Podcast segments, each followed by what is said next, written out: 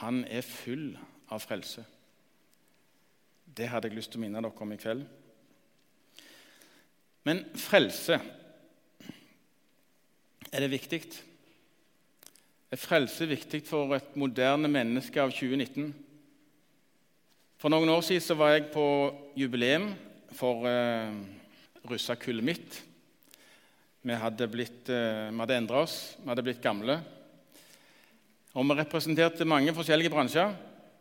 Men jeg var alene som hadde vært misjonær. Som dere forstår, så gikk jeg ikke på Tryggheim.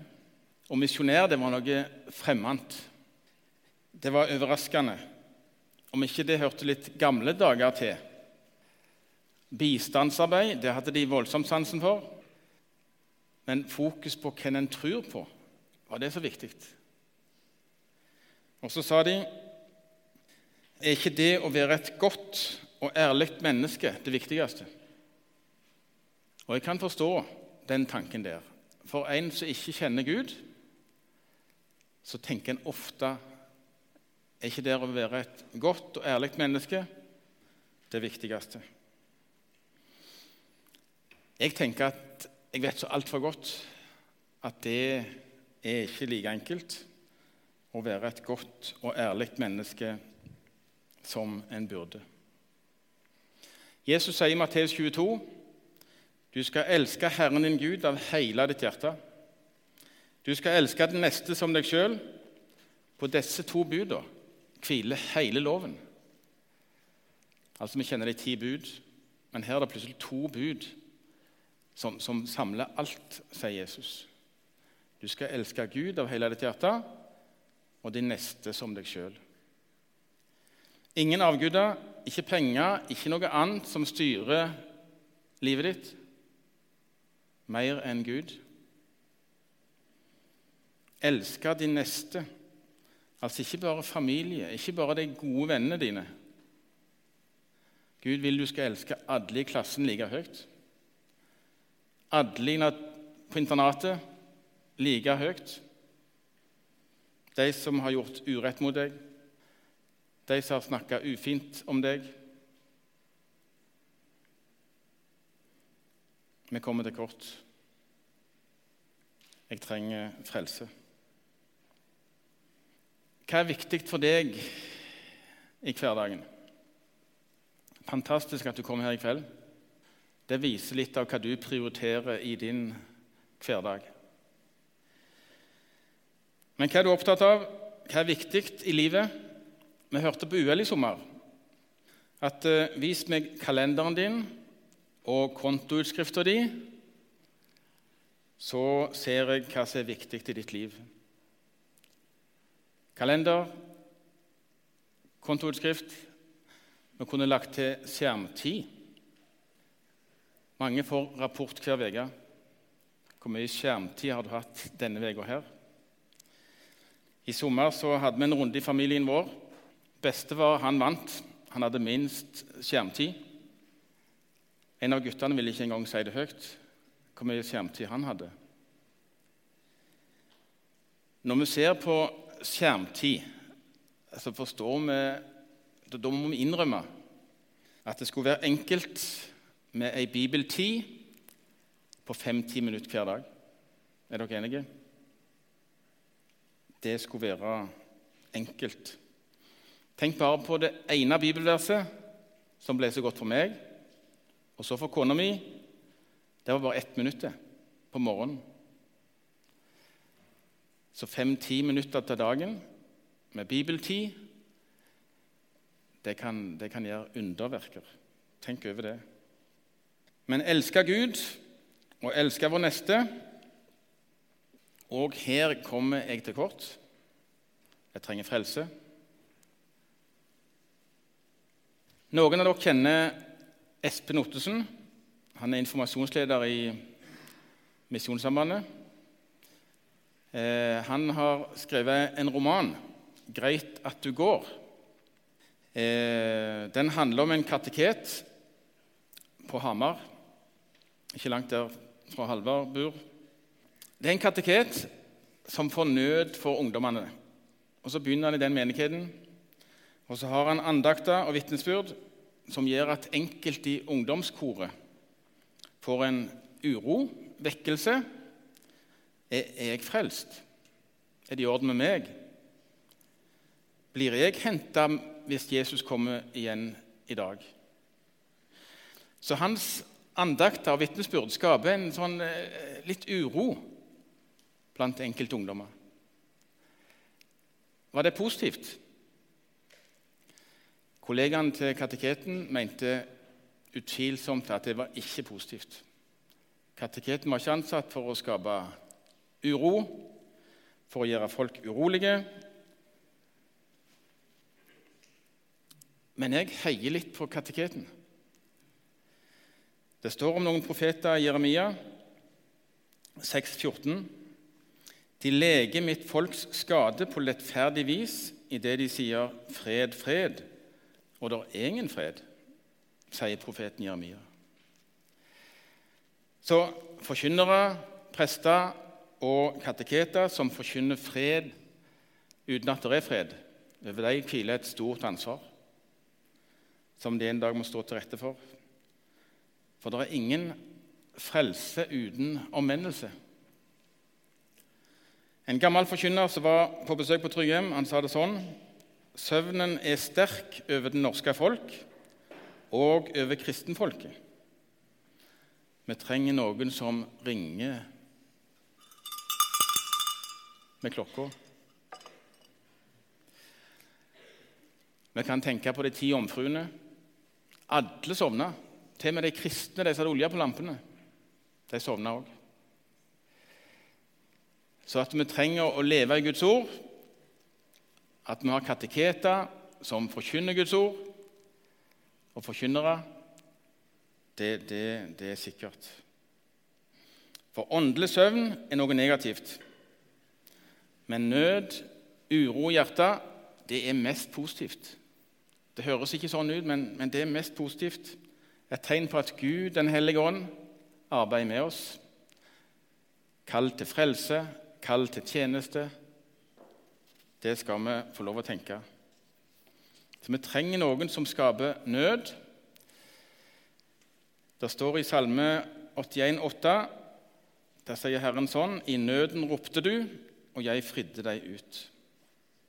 Altså når Asaf eller David var i nød, da ropte de, og så frelste Herren. Og i vers 14 Å, om mitt folk ville høre på meg, om Israel ville vandre på mine veier. Og det sier nok Herren til mange i dag òg. Å, om han eller hun kunne høre på meg. Og om de ville gå mine veier. Jeg vokste opp på Randaberg, fem mil lenger nord. Jeg var heldig. Der var det søndagsskole. Første til tredje klasse var en lokal grendaskole med kristne lærere, bl.a. tanta til mor, tante Margit Byberg. Det var bibelhistorie, det var sanger, det var andakt. En kunne tro det var en kristen friskole, men det var en offentlig kommunal skole. Der gikk vi på gutteklubben Nordlys. Der var det Yngres, skolelaget og ungdomsforening. Og Så reiste jeg mye på leir jeg var mye på en plass etter Vaulali. Der eh, var det to ledere som betydde mye. Sveinung og Rune Vidar Fjelde. Santalmisjonen. Rune Vidar kom inn på kveldene, hadde god tid, drøste med oss ungdommer. Og det var ikke fjas, det var gode samtaler, god veiledning. Og det var ting som betydde noe å sette spor. Men det å gå i et kristent ungdomsmiljø det favna mye òg på 80-tallet. På lørdagene så gikk vi stort sett på ungdomsforeningen. Der ble vi, eller vi gikk hjem til noen. Og så husker jeg en kveld noen hadde leid en video. VHS. Dere vet nesten ikke hva det er. Men det var de gamle videokassettene og jeg tror ikke helt de som hadde leid den videoen, visste hva de hadde leid. For der var det umoral, det var usømmelighet, det var voldsfilm. Det vi så og hørte, det, det gjorde noe med oss. Det kjentes ikke rett. Det tenkte gjerne flere, men vi snakket ikke om det. Og så ble det en uro. Som jeg tror gjorde noe med meg og med flere. Vi hadde noen møter på Randaberg. Møteserier som ble forlenga av og til. Og ungdommene var med der. Og jeg husker jeg En gang gikk til samtale. Jeg fikk en kamerat med meg. Og det var òg godt. Det å snakke med en sjelesørger, en forkynner, om ting som var viktige i livet mitt. 1. Korinterbrev 11,32. Men når vi blir dømt, da er det Herren som refser, for at vi ikke skal bli fordømt sammen med verden. Altså, Vi skal tenke positivt når vi blir dømt. Da er det Herren som refser. Altså det, det, å få en uro, det å få en nød, det kan være kjempepositivt for at vi ikke skal bli fordømt sammen med verden. Jeg trenger frelse. En som virkelig var i nød og sjeleangst, det var Martin Luther. Vi gleder og fryder oss masse over det som kom ut av reformasjonen for 500 år siden. Luther hadde etter hvert en teologisk hverdag. Han studerte Bibelen.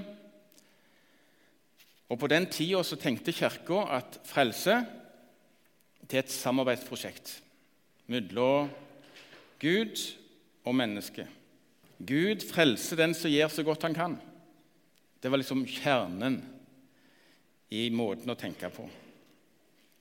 Men så godt han kan Hva er godt nok, tenkte Luther. Kjente aldri på at uh, han var god nok. Og Jeg forstår veldig godt at Luther kom i, i nød og sjelangst Gud frelste den sier så godt han kan. Altså, hva er godt nok? Men Luther var en flittig bibelleser. Han var i kamp for å finne et trygt feste for sin gudsrelasjon. Kulminerer dette med en gjenoppdagelse av evangeliet, som han kaller det sjøl. Vi skal ikke ta hele historien, men Romerne 1,17 er helt sentralt. I evangeliet åpenbares Guds rettferdighet. Og så forsto jeg grammatikken i dette, sier Luther.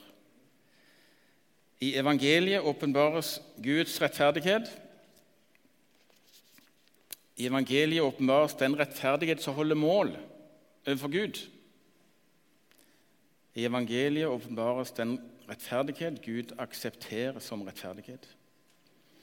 Da skjønte jeg at Guds rettferdighet er Jesus Kristus, skriver Luther. For mennesket ikke noe annet enn en gave som mottas. Rettferdiggjørelsen er en Guds gave. Gud gir rettferdig til Kristus. Ikke noe samarbeid mellom Gud og menneske. Det er Gud som gjør det. Dette var helt avgjørende for Luther. Herren er rause Herren er full av frelse. Et par bibelvers om det helt til slutt. Johannes 14, 1-2. La ikke deres hjerte forferdes. Tro på Gud og tro på meg. I min fars hus er det mange rom. Det sa Jesus til disiplene. Frykt ikke, Gabriel. Frykt ikke, Jakob. Det er til oss alle sammen. I min fars hus er det mange rom. Det er nok rom. Herren er full av frelse.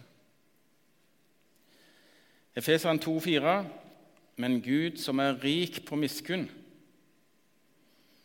Herren er rik på miskunn, han er rik på nåde, han er rik på kjærlighet.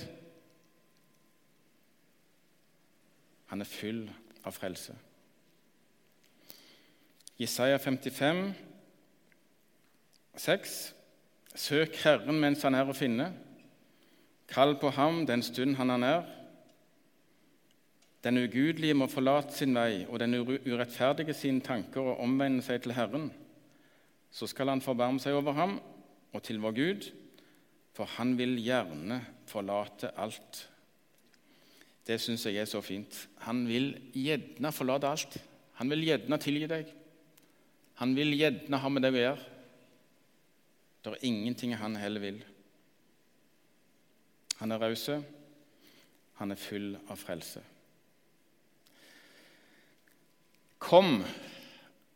Hvor mange ganger står det i Bibelen? Ca. 365. Jesaja 1,18, en av de.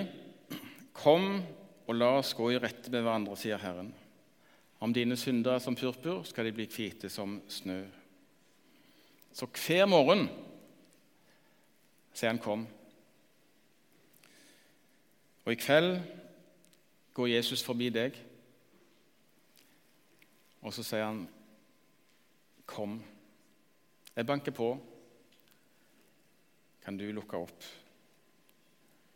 Og om mitt folk ville høre på meg, og om mitt folk ville vandre på mine veier. Det er Herrens ønske. Skal vi ta og be i lag? Kjære himmelske Far. Takk for at du vil ha med oss å gjøre. Takk for at du har åpna ei dør inn til himmelen. Den står vidåpen for hver den som tar sin tilflukt til deg, Jesus. Takk for at den som har Sønnen, han har livet. Dette er ikke noe samarbeid. Vi skal få lov å ta imot helt ufortjent av bare nåde.